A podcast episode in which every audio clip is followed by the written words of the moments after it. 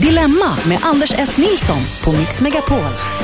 God morgon på er, det är söndag. Härlig novembermorgon. Det är den 15 november och ert favoritprogram håller på fram till klockan 11. Som vanligt. Anders S. Nilsson heter jag. Ska försöka styra upp de här tre illbattingarna. Det är Henrik Fexeus, det är Josefin Crafoord och det är Jakob Ökvist. Och för er som inte vet vem Henrik Fexeus är. Ja, det är få som vet. Det är få som har svårt att säga hans namn Med också. uttalet, ja. Eh, Du är mentalist, tankeläsare och författare. Och dilemmapanelist sen eh, nästan ett år tillbaka. I alla fall tio månader. Josefin Crafoord, du har varit med i gamet väldigt länge också. Ja, det har jag Mm. och gjort massa saker.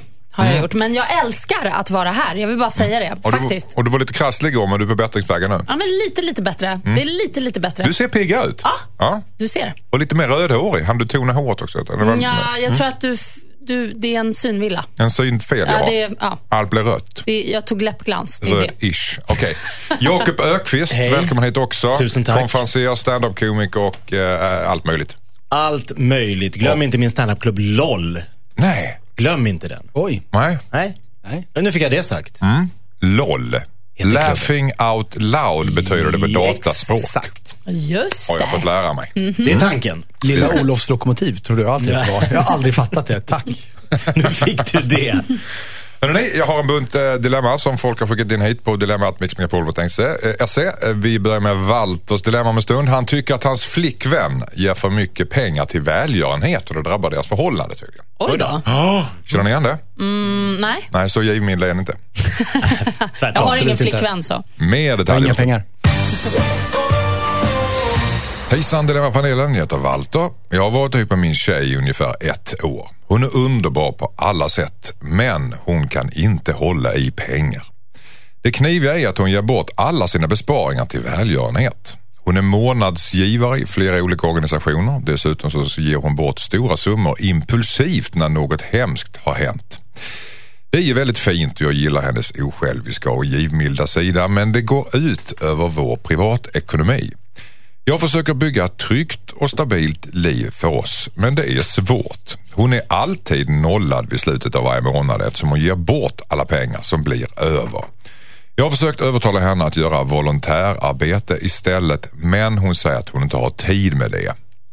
Jag känner mig dessutom som en riktigt ond människa som inte vill att min tjej ska ge bort pengar till välgörenhet. Men det känns så tråkigt att det sker på bekostnad av vår framtid. Borde jag ställa ett krav på min tjej att spara undan pengar för vår framtid istället för att ge bort allt till välgörenhet? Undrar Walter. Vad säger du Henrik Fexeus? Ja, det här, om jag förstår det här brevet rätt så har de inte delad ekonomi då. Det låter ju inte som det, för hon är nollad i slutet på månaden. Eh, För först så... Mm. Ja, fast det är väl hennes bidrag då till deras ekonomi som de eh, räknar Exakt, exakt. Och då tänker jag så här, nej jag tycker nog inte att han kan ställa krav. Hon är lite fri att göra vad hon vill med sina pengar. Men Mm. vad han skulle kunna göra är ju faktiskt att sätta upp ett gemensamt mål tillsammans med henne. Älskling, vore det inte roligt att göra det här? Mm. Och då måste vi spara till det. Eh, och så går hon med på det och då inser okej, så per månad så behöver vi lägga undan det här för att nå vårt mål. Mm. Och sen vad hon väljer att göra med, med sina pengar utöver det där, ja men det, det får han nog kanske bara tugga i så att hon har den här vackra sidan. Men, men det är ju ett sätt att ändå få in lite mer pengar till det här gemensamma man vill bygga upp. Att, att sätta upp ett konkret mål tillsammans med henne som de sparar till.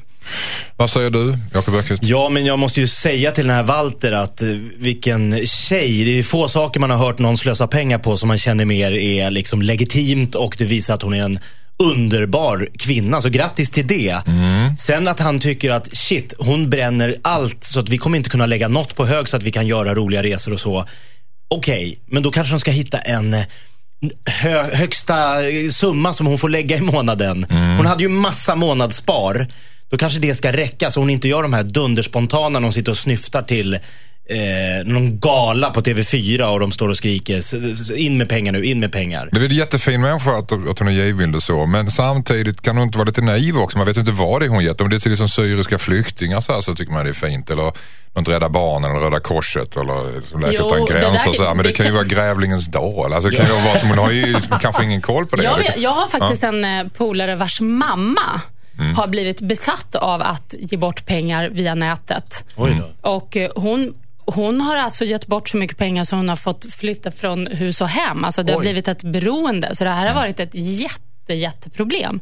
Så att, Vad ger eh, de bort? Är det Alltså, ett beroende att ge bort pengar? Ja, märkligt. precis. Och hon blir lurad också. Det är massa olika eh, mä- märkliga... Ja, Jag vet, jag vet inte ens, jag förstår inte Vilka ens vad det är. organisationer? Men det är organisationer eller personer som, eh, som liksom går in och skriver. Hon får meddelanden på Facebook och, och även på sin mail och sådär. Då drar de ju Och då- nytta av hennes givmildhet. Ja, det är klart, men det gör väl alla sådana så- på ett sätt också. Ja, ja, absolut. Nej, men så att det där måste ju liksom... Menar du att empatin kan bli någon slags missbruk och Ja. ett beroende?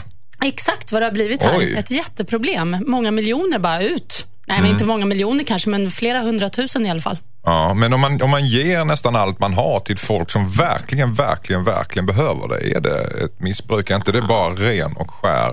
Hon tycker väl att hon... Ja, någonstans. Jo, fast frågan är om hon verkligen vet vart hon ger alla pengar.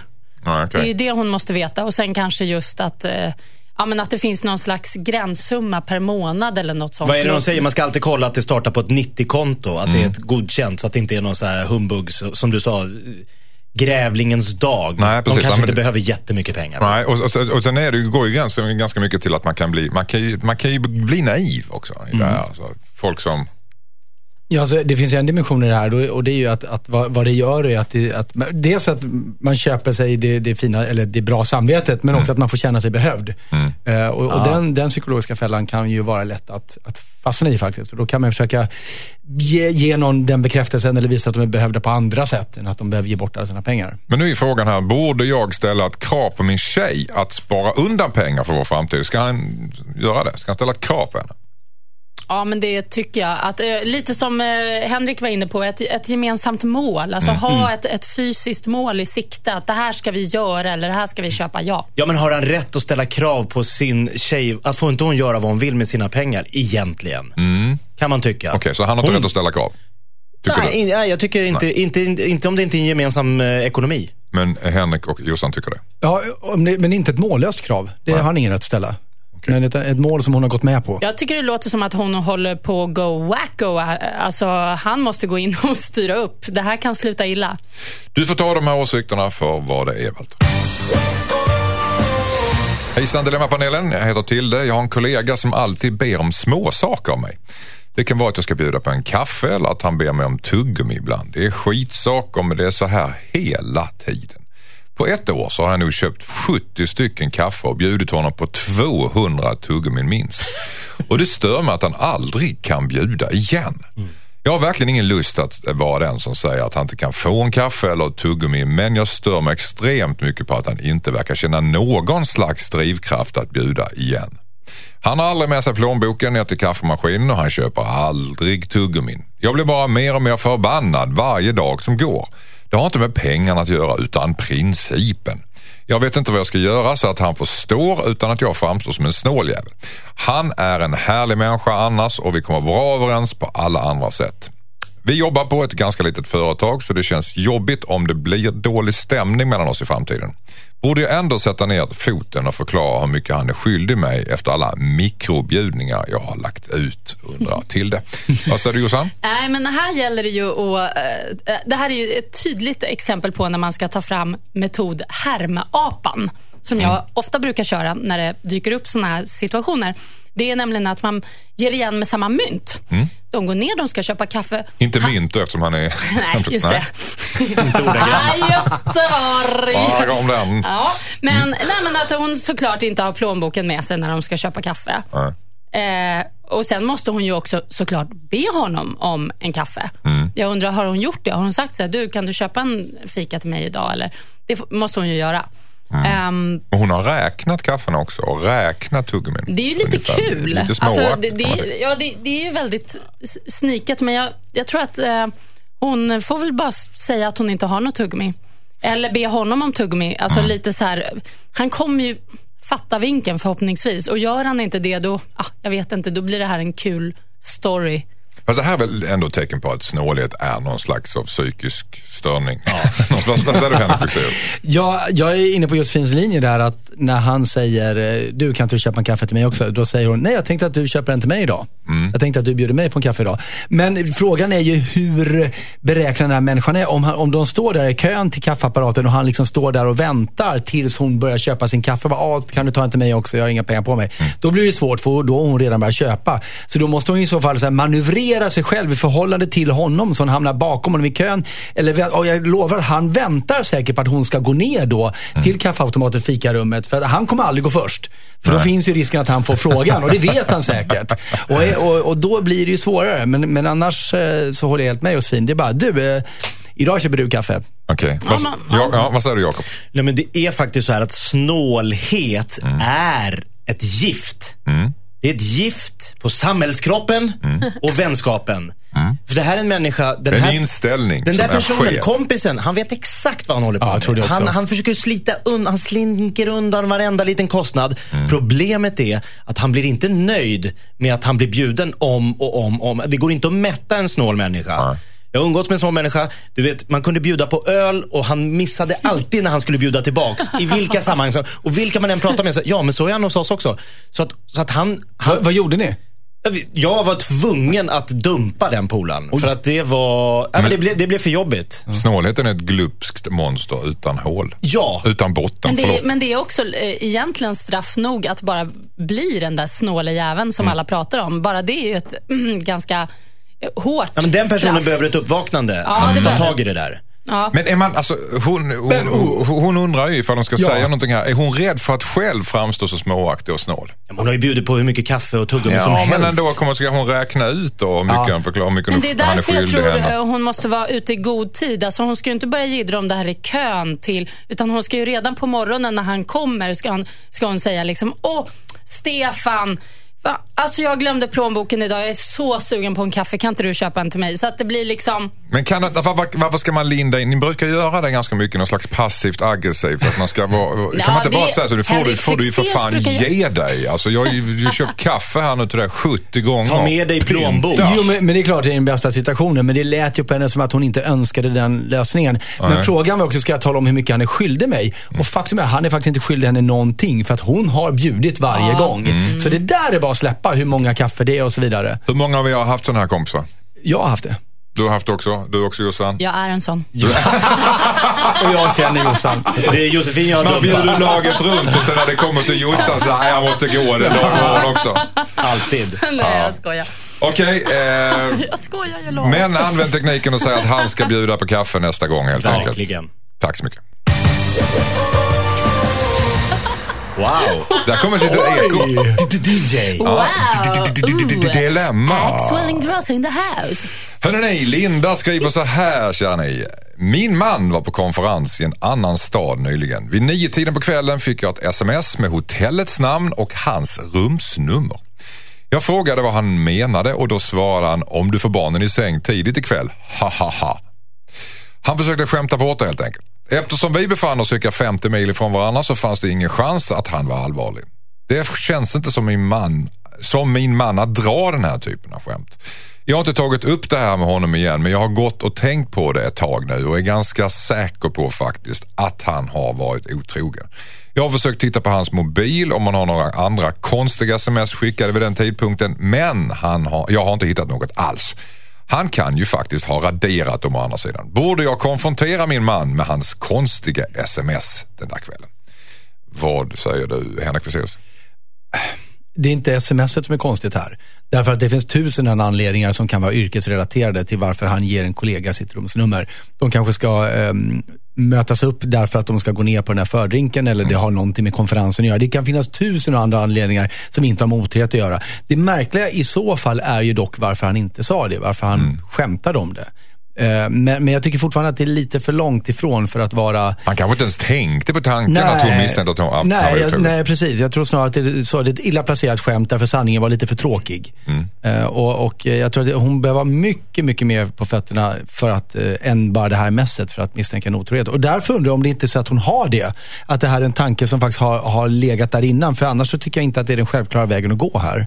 Nej. Vad säger du Jossan? Mm, nej, jag tycker det här äh, luktar skunk och skumt. Så, varför ja. det? Nej, nej, nej. Det där. Ingen rök. Nej. På det här lilla smset bara? Ja, absolut. Det är klart att hon ska konfrontera. Det- I och med att hon bara bär på den här tanken så är det självklart att hon måste fråga. Annars blir det jättedumt om hon ska gå runt och försöka, åh nej, jag ska inte tänka på det, fast jo, jag gör ju det ändå. Jo, hon måste hon måste absolut konfrontera honom med det här.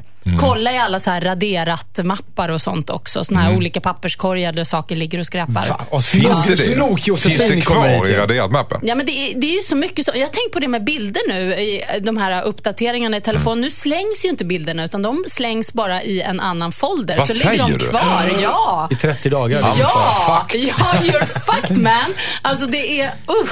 Va, vad säger du om det här dilemmat? Ja, jag tänker att om det är en tröst så tror jag att när han hade gjort den här fadäsen, att skicka fel. Han ska skicka till den heta lilla eh, receptionisten på jobbet. Fan. För att få upp henne där på lite vin. Men han råkar skicka det till frugan. Aj, aj, aj. Upp, upp, upp. Då blev det inget awimbawe, awimbawe den natten. för han kände att, nej men nu är hon mig på spåren. För hon skrev ju, vad, vad, vad, menar du? Vad snackar du om? Och han fattade, oj shit, nej, fel. Haha, jag tänkte om du var på väg hit så kunde vi bla. Det var ju bara hans panikslagna Alltså, du skämt. tror att det skulle stoppa honom? Det stoppade garanterat honom Du från awimbawe. Nej. Aw- Va? Du tror det blev awimbawe? Vad är, vad är det där? Awimbawe. Awimbawe. Är det förspelet? Le- Lejonkungen. Är det så du kommer in med lite för kort kimono och så awimbawe, awimbawe. Det är Jakobs Awimbawe. men- som han kör när han ska, vad- när han ska till. Ja, jag sitter precis Du alltid på den. Det är därför han har tre barn nu. Awim.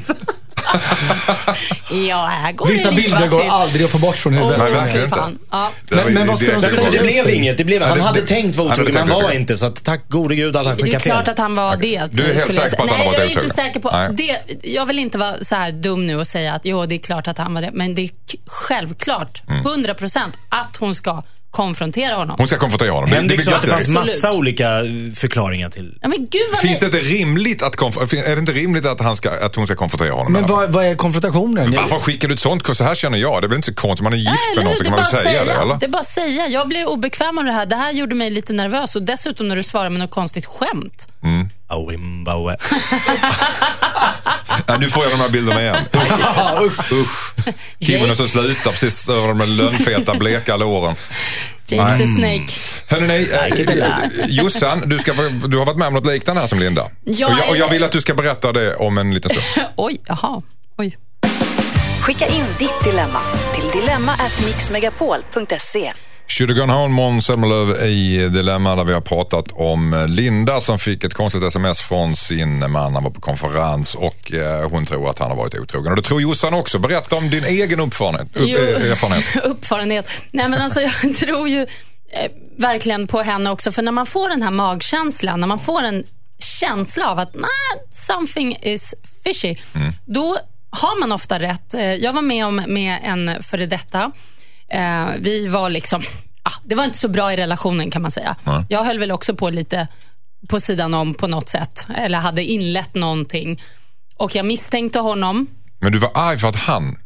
Nej, alltså, nej men det var lite så här, det var som att man, ja men du vet, i, det var inte så att jag hade gjort någonting Nej. fysiskt, men man liksom kanske flörtade med lite andra, man var lite på väg åt något annat håll.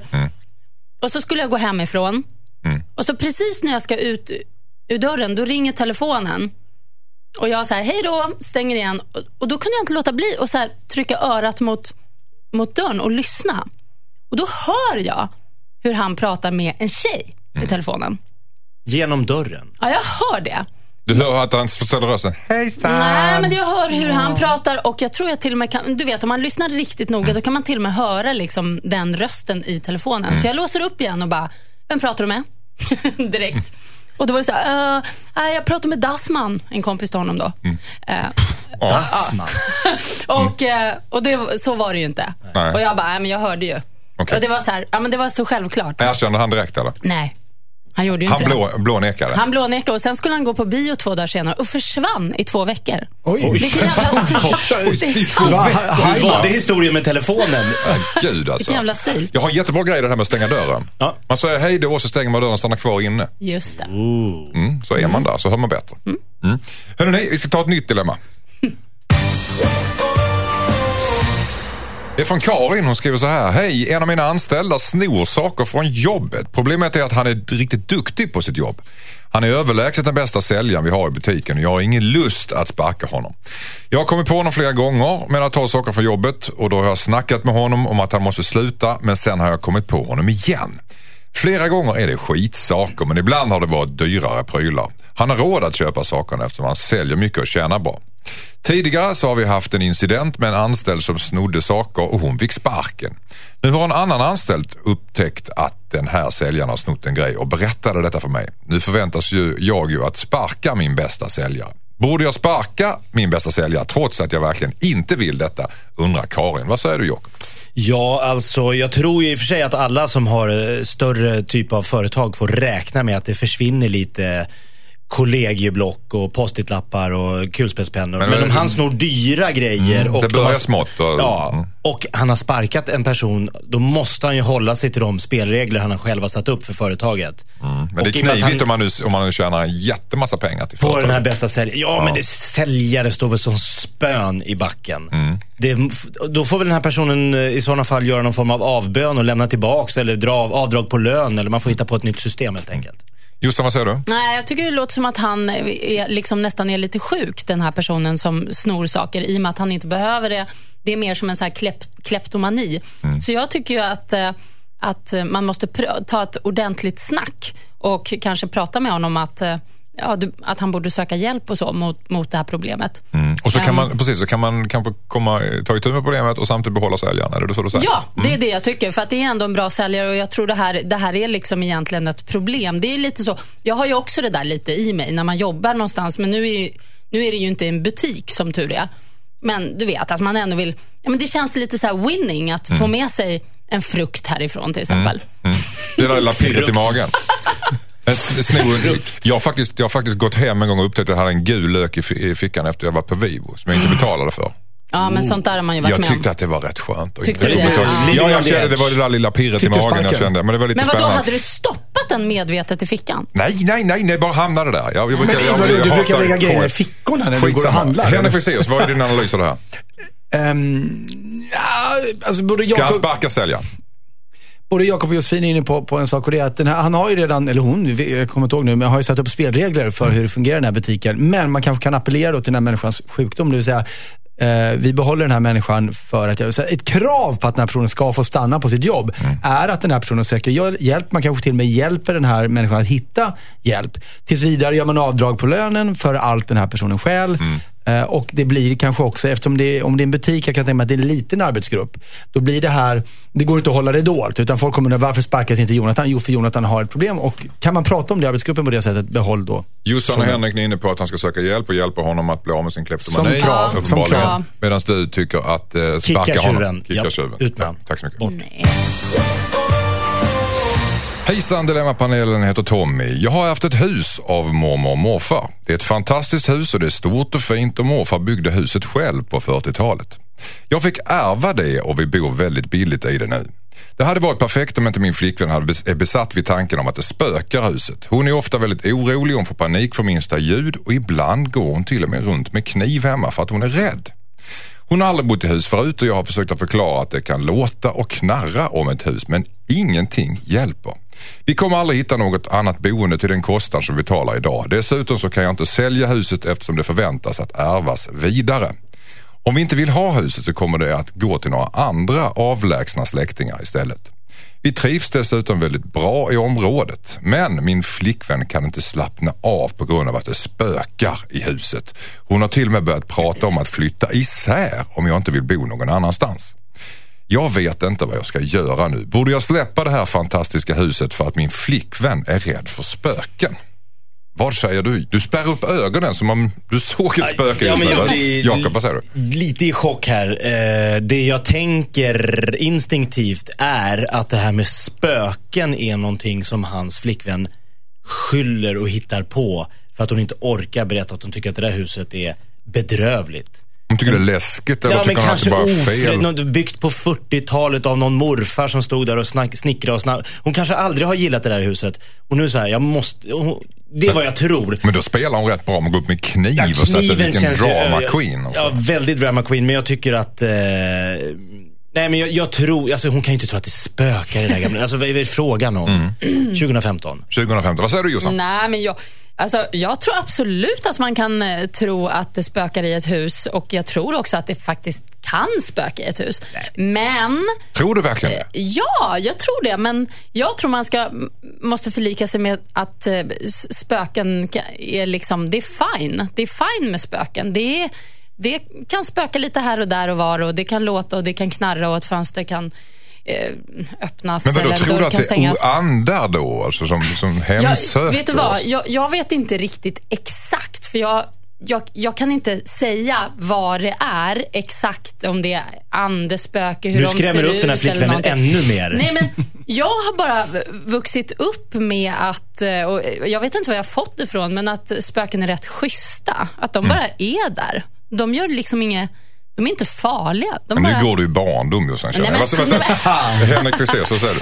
Alltså, det är så här idag att vi har ganska goda fysiologiska belägg till varför spöken inte kan existera. Vi har ganska goda psykologiska belägg till vad det är som gör i vårt huvud som att vi tror på dem, att vi upplever de här sakerna. Men det är inte den här flickvännen behjälpt av att veta just nu. Utan jag har ett råd. Om det nu är så att hon genuint är rädd för spöken i det här huset.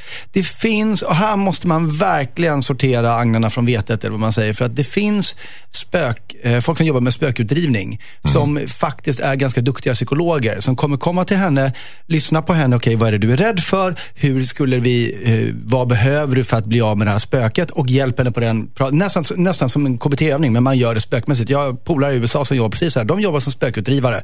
Och de är själva väldigt medvetna om att huruvida det verkligen var ett spöke eller vi bara hjälpte henne att tänka om, det är ointressant för nu mår hon bra.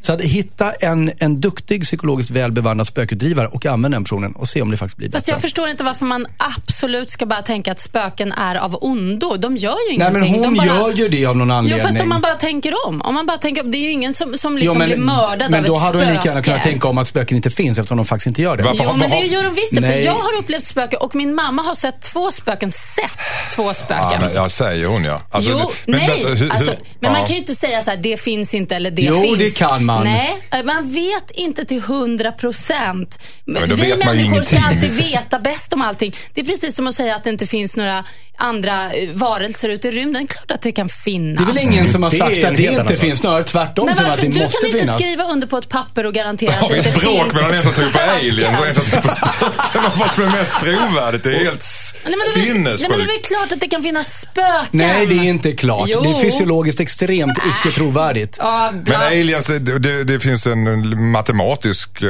möjlighet helt enkelt i ett till evigt sannolikhet. universum. I ett evigt universum. I ett evigt universum, ja. Ja, men vad då? Hundra apor med- Tankeläsare. Vad, vad är det för till... Jakob, vad, vad, vad, tror, vad tror du det är för, för behov som, som Josefin och. Tommys flickvän tillfredsställer genom att vilja tro på spöken? Men eller? det handlar inte om att vilja, det är bara, så det är bara för döden. faktum. Nej, det är väl inget faktum. Hon mig. Går runt och hör massa ljud. Den här Ja. tjejen har aldrig bott i hus. Nej. Bara en sån sak. Nej, hon bara har bara sån bott i tält. Hon har bara nej, men hon har, så att hon, Jag kommer ihåg när jag var hemma hos farmor och farfar. De hade någon oljepanna som stod och brummade i källaren. Jag tyckte det var superobehaglig. Så att det är väl massa saker Ja, som och händer och knirrar och knarrar. Och det, det låter och han har byggt det där själv, farfan. Så jag tycker att om inte... Sälj huset då, om det inte hon orkar bo kvar där. För att hon pallar ju inte det där Nej, men det huset. ska ju gå i arv. Det är ett underbart Ska man sälja hus. huset för att en flickvän tror på spöken? Nej, bli verkligen av med inte. spökena. Bli av med Nej, spökena. Hennes, i, I huvudet på henne? Ja. Är det så du säger? Ja. Nej, behåll, Men oavsett, det är inte intressant om de är riktiga eller inte, utan Okej. de går att bli av med ändå. behåll spökena och huset. Det kommer bli nice. Adoptera spökena. Okej, Hon tycker ju inte om dem. tack så mycket. Ändra inställning. Hejsan Dilemmapanelen, jag heter Mats. Min systerson går på kockgymnasium. Jag jobbar på en fin restaurang och nu vill min syster att jag ska fixa praktik åt honom på min restaurang. Jag tror inte han skulle passa alls på vår restaurang men samtidigt så kommer min syster att bli förbannad på mig om jag inte löser en praktikplats åt honom. Vi har många som vill göra praktik hos oss och vi tar in praktikanter på samma sätt som vi anställer. När jag har förklarat det för henne så tycker hon att jag ska göra ett undantag den här gången. De vet att jag kan fixa en praktik om jag vill. Problemet är att jag inte vill. Borde jag låta honom göra praktik trots att det kommer bli sura miner på jobbet? Eller borde jag neka min systerson praktik och skada relationen med min syster? Undrar Mats. Vad säger Henrik Fexeus? Jag förstår inte varför han inte skulle kunna få, kunna få praktiken på legitim väg. som, det låter ju som att det kommer bli en praktikant oavsett. Uppenbarligen så tror han inte att systersonen är lämplig. Nej, men, men då tycker jag att det enklaste är att ta bort sig från den ekvationen och låta någon annan fatta beslutet om vem som men det är ju ska vara samma praktikant. sak. Alltså, då, då tar ju han och då har han ju sagt i princip att jag tycker han är dålig men jag ger dig en, en andra men, chans. nej, men om han har hintat, om han har sagt att vi, vi har en procedur som vi använder, så kan han säga, och jag, eh, så kliver han ur, ur den. Mm. Jag, jag tycker inte att Skulle han du ska... köpa det? Om din, din, din, syster, din syster vet att du kan fixa det här och du väljer att inte fixa Ja, men jag, det. jag, skulle inte, jag skulle inte vara så korkad, förlåt att jag ställde den frågan till någon. Kan inte, kan inte du fixa en Nej, men plats nu är till... den ställd. Mm. och min också Henrik. Ja, ja, men jag förstår. Nej, men, ja. Ja, men frågan kan man väl ställa, för det, det, det behöver ju inte vara helt hundra säkert att de alltid tar in eh, folk som praktiserar och, och så. Så jag tycker inte det är konstigt att ställa frågan. Däremot så tycker jag att, precis som du sa, om de har en rutin för hur de tar in, så får väl han falla under samma eh, parasoll. Men det är ju inte konstigt, eller hur? Nej. Nej, alltså, Och håller han inte måttet så ska han säga, jag är ledsen. Men, men, Nej, men du, eh, du, precis, och förklara det från början. Att vi, vi, har en, vi har den här rutinen, det är så det funkar på mitt jobb. Jag kan inte göra på annat sätt, för då blir det sura miner. Jakob, vad säger du? men det här jag- är ändå family. Ja, verkligen. Det, det, men jag, jag känner lite så här. Jag praoade i åttan på ett eh, restaurangkök. Jag fick på riktigt fysiskt eh, stryk av huvudkocken för att jag brände vid en sås av misstag. Men jag var en ung eh, kille. Alltså det, det händer grejer i kök. Det är ett jäkla pådrag. Det går snabbt. Det är en tuff värld. Så han, han har ju tagit... Känslan hos den här mannen är att han passar inte i det här köket. Nej. Då får han ju gå på den känslan. Då får ju syrran bara tugga i sig det. Han får säga det. Jag kan lyssna med mina kollegor som känner andra restauranger där det passar bättre att ta in en gymnasist. Men i det här köket så har vi ett sånt tempo. Det händer det här och det här och det här och det här. Så vi kan inte ha någon som jag måste gå och dra liksom, och hjälpa hela dagen. Nej. Det håller inte. Nej. Håller du med om det Henrik? Ja, fullständigt. Ja, för det, alltså, någonstans så kan han ju inte heller bara ta in, vi ska se om man, om man klarar av Nej, det går för inte. Då, har du- då är det lite grann kört. Och så andra dagen sen, nej det, det, vad var det jag sa? Det var inget bra. Nej, precis. För det är ju lite ett hårdare slag egentligen. Ja. Josefin Crafoord, vad, vad säger de där då? Säger Praktik eller icke-praktik? Nej, Praktik det eller inte praktik? mm, bara... In, Svågerpolitik in, eller inte? Ja, in på samma villkor. Ingen svåger... Men du tycker alltså att han ska faktiskt få en chans och sen så ska han säga nej, han, det funkar inte. Även om... Ja, det tycker jag. Men att man också förbereder sy syrran och eh, systersonen på detta. För det kan faktiskt vara, man måste ge den här killen en chans. Han kanske är skitbra när det väl gäller. Har ni varit praktikanter någonstans? Men du har varit Jakob, Jag det. fick stryk av kocken. Du fick stryka kocken. Hur, hur är det med er två, Jossan och Henrik? Ja, jag har varit i en skoaffär. Hur fick du platsen? Ehm, jag vet inte, jag bara frågade och var cool. Fick du stryk? Fråga var kul. ja, alltså nu, Ja, det var en hiss, det var ingen skratt. Henrik, Eh, Jag var, jag var praktikant i en bokhandel. okej. Eh, Och, hur den- fick du den? Var du någon slags Det var ingen kompis? annan som ville vara det. Nej. Ja, det, det finns ett värre faktiskt. Ja, nej, men det, det var... Det var Målerifirma. Dödstråkigt. Ja, nej, men det visade sig att vad jag fick göra var att jag fick, eh, jag fick dammsuga böcker i en källare i två veckor.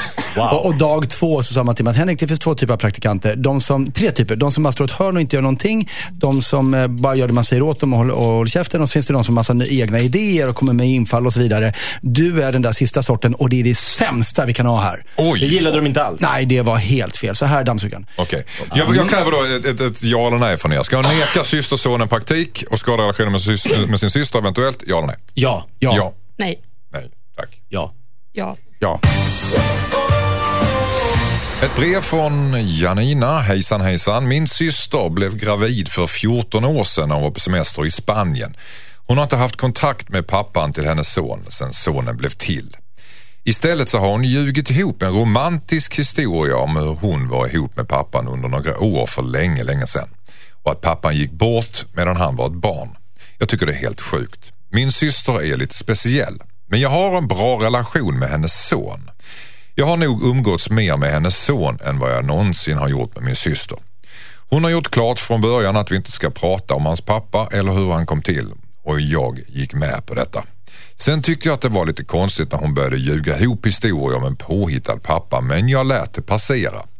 Nu har min systerson börjat ställa mycket frågor om sin pappa och jag mår dåligt över att inte kunna berätta sanningen. Hans pappa skulle kunna vara livslevande och inte veta om att han har en fantastisk son som är 14 år gammal i Sverige. Jag är dessutom lite rädd att jag kommer riva upp en massa sår om jag berättar sanningen. Men jag tycker synd om min systerson som inte vet sanningen. Borde jag berätta för min 14-åriga systerson att hans mamma har ljugit om hans pappa under hela hans liv, undrar Janina. Vad säger du Jossan? Oh, ja, alltså... Jag tycker att sonen ska få reda på sanningen, men Mm. jag tycker kanske att hon ska prata med syrran Mm. eh, till att börja med. Försöka övertala henne att berätta för sonen. Och om syrran vägrar, så kanske hon ska vänta tills han är 18 Okej, och då berätta. Det kan hon känns säga det till syrran också? Att jag kommer att berätta om man är 18 om inte du säger det nu. Hon som går. ett hot. Mm. Ja, nej. Eller information. Ja, information eller hot. Men nej, det tycker jag det kan bli lite hotfullt på Mm. något vis. Men jag, hon måste kanske snacka med, med syrran om det här och säga att hon tycker att det är fel och sådär. Det känns oschysst att, att, han inte, att han går runt och tror att hans pappa är död när han inte är det. Mm. Jakob, vad säger du? Ja, alltså otroligt delikat det här. Eh, hon har ju å ena sidan en syster som hon inte känner särskilt bra tycker hon. Men hon har den här sonen, då, eller den här systersonen som hon har mycket bättre kontakt med.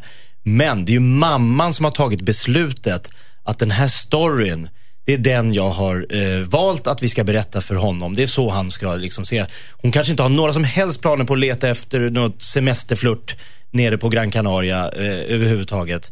Så att jag tycker inte syster, det kan inte vara hennes uppgift att berätta för sonen. Hennes uppgift får i sådana fall vara att övertala mamman och göra om och göra rätt om hon tycker att det är mer rätt att berätta sanningen. För det är ändå en ganska stor grej för en 14-åring att få reda på att allt mamma har sagt har varit en stor lögn.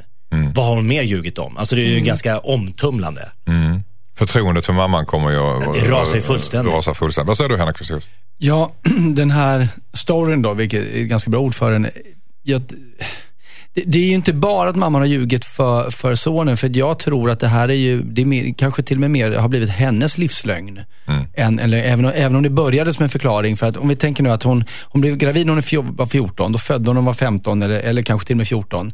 Eh, och, och, det vill säga hon var tonåring själv och det är klart att hon ville ha liksom en mycket mer romantisk bild av vem pappan var när barnet började ställa frågor. När, när hon var typ i 19, 19 års ålder, kanske barnet var tre år, var det pappa. Eh, men så det är otroligt oroande att hon har behållit den här storyn upp i 28 års ålder och därför tänker jag att det, hon, jag tror att hon ljuger för sig själv i det. Hon vet hur det gick till men hon vill också ha den här romantiska bilden av hur det egentligen var. Och därför tror jag att hon är ganska oförmögen att berätta för sin son. Hon har ljugit så pass länge så att hon Ja. tror typ på det. Ja, i princip. Fast hon egentligen vet att det inte var så. Jag tror att det här är ett enormt arbete. Om mamma ska berätta så måste hon göra ett enormt arbete med sig själv först. För att överhuvudtaget kunna liksom börja bända den här livslögnen för dem alla. Men är, är, det, han måste ju få systerns, är, veta. det, är det systerns sak? Vad säger du Jossan? Eh, nej, alltså, eh, det är väl inte det egentligen. Men vad jag satt och tänkte på något helt annat. Det är, vet farsan om att han har en unge? Nej, uppenbarligen Troligtvis inte. inte. Troligtvis inte. Det är också lite... Nej, Det är, inte helt, det är väl inte helt ovanligt? Nej, det är väl inte helt ovanligt, men det är ändå inte okej, tycker inte jag. Jag tycker han ska väl få reda på att han har ett barn, herregud. Mm. Det tycker jag också. Syrran sitter ju inne på massa sanningar som är väldigt jobbiga att gå och bära på för henne. Så att någonstans måste hon ändå få ta upp att jag mår dåligt av att du ljuger för din son om hans ursprung. Fast det är inte skitsamma. Att hon mår dåligt, det, det tycker jag inte är liksom... Nej, nej men alltså om hon har det i sig som, och, och tycker att syrran gör fel. Eh, så, kom, för att syrran kan ju bara säga, nej men du får må dåligt av det. Men jag kommer inte konfrontera min son om det här. Ja, och då men- får hon släppa det tycker jag. Men jag, men jag tycker den här tidslinjen ni pratade om innan är ganska bra. Att du, får fyra år på dig att nå en punkt i din tillvaro där du kan berätta för din son att han har en pappa som kan vara vid livet. Mm, och då är han myndig också. Och efter de fyra sonen. åren, eh, annars kommer eh, han få reda på det på annat sätt. Det får bli sista Jag ordet. tycker det. Tack så mycket. Hejsan Dilemmapanelen, jag heter Ylva. Jag umgås i ett kompisgäng där det har börjat bli lite turbulens. Två av mina kompisar har börjat hålla på med varandra på fester. Till en början var det endast lite skoj men nu har det gått över till mer seriöst hångel och tafsning. Usch. De är båda tjejer och den ena har pojkvän som hon snart ska flytta ihop med. Dessutom är den andra tjejen gay. Min kompis som är gay verkar osäker på om det finns några seriösa känslor hos den andra vännen och jag har hamnat lite mitten av det här. Borde jag säga åt min kompis som är gay att prata med sin strulkompis eller ska jag bara låta det här fortsätta? Undrar Ylva. Jossan, vad säger du där? Nej, men Ylva, det här är ju inte din business riktigt. Ehm, nej, det är inte det. här är det ju, problemet här det är ju om tjejen som är gay är på, alltså på riktigt är intresserad av den här tjejen som inte är gay men som ändå håller på och som snart ska flytta ihop med killen. Hon tycker säkert att det är kul. Alltså det kan ju vara lite kul att så här skoj, hångla lite med någon tjejkompis. Mhm, är det? Ja, det kan vara kul. Jag tycker det är kul att, att hångla med en tjejkompis. Ja. Men, men, Nej, men det kan ju vara roligt, men, nej, men, men det är ju väldigt viktigt att gaykompisen vet att den här tjejen är straight och ska flytta ihop med sin kille så att även hon någonstans vet vad som, ja, vad som gäller. Men Ylva har inte riktigt med det här att göra, är det jag. bara jag som tycker att det här låter lite grann, att, att du drar, bara för att det är gay så är det lite annorlunda om det hade varit en, en, en heterosexuell relation där. Då hade du sett din kompis som är otrogen så att säga på ett annat sätt. Eller, det- men det är eller två tänker jag fel? Ja, två tjejer men om det inte hade varit det, om det hade varit en kille som höll på med. Om, aha, om, det var flytta ki- ihop. om det var en Ja. kille Din kompis så. eh, hånglar med en kille och du vet att din kompis har en kille som ska flytta ihop. Jaha, nej det tycker jag inte är okej på samma sätt. Aha, så det här är annorlunda bara för att det är gay? Ja, för att den ena tjejen är inte gay. Så det är bara en kul grej Så det är bara en kul grej? Vadå? Ja, Du- men det kan ju vara en, kul, nej, men det kan ju vara en kul grej även för, även för tjejen.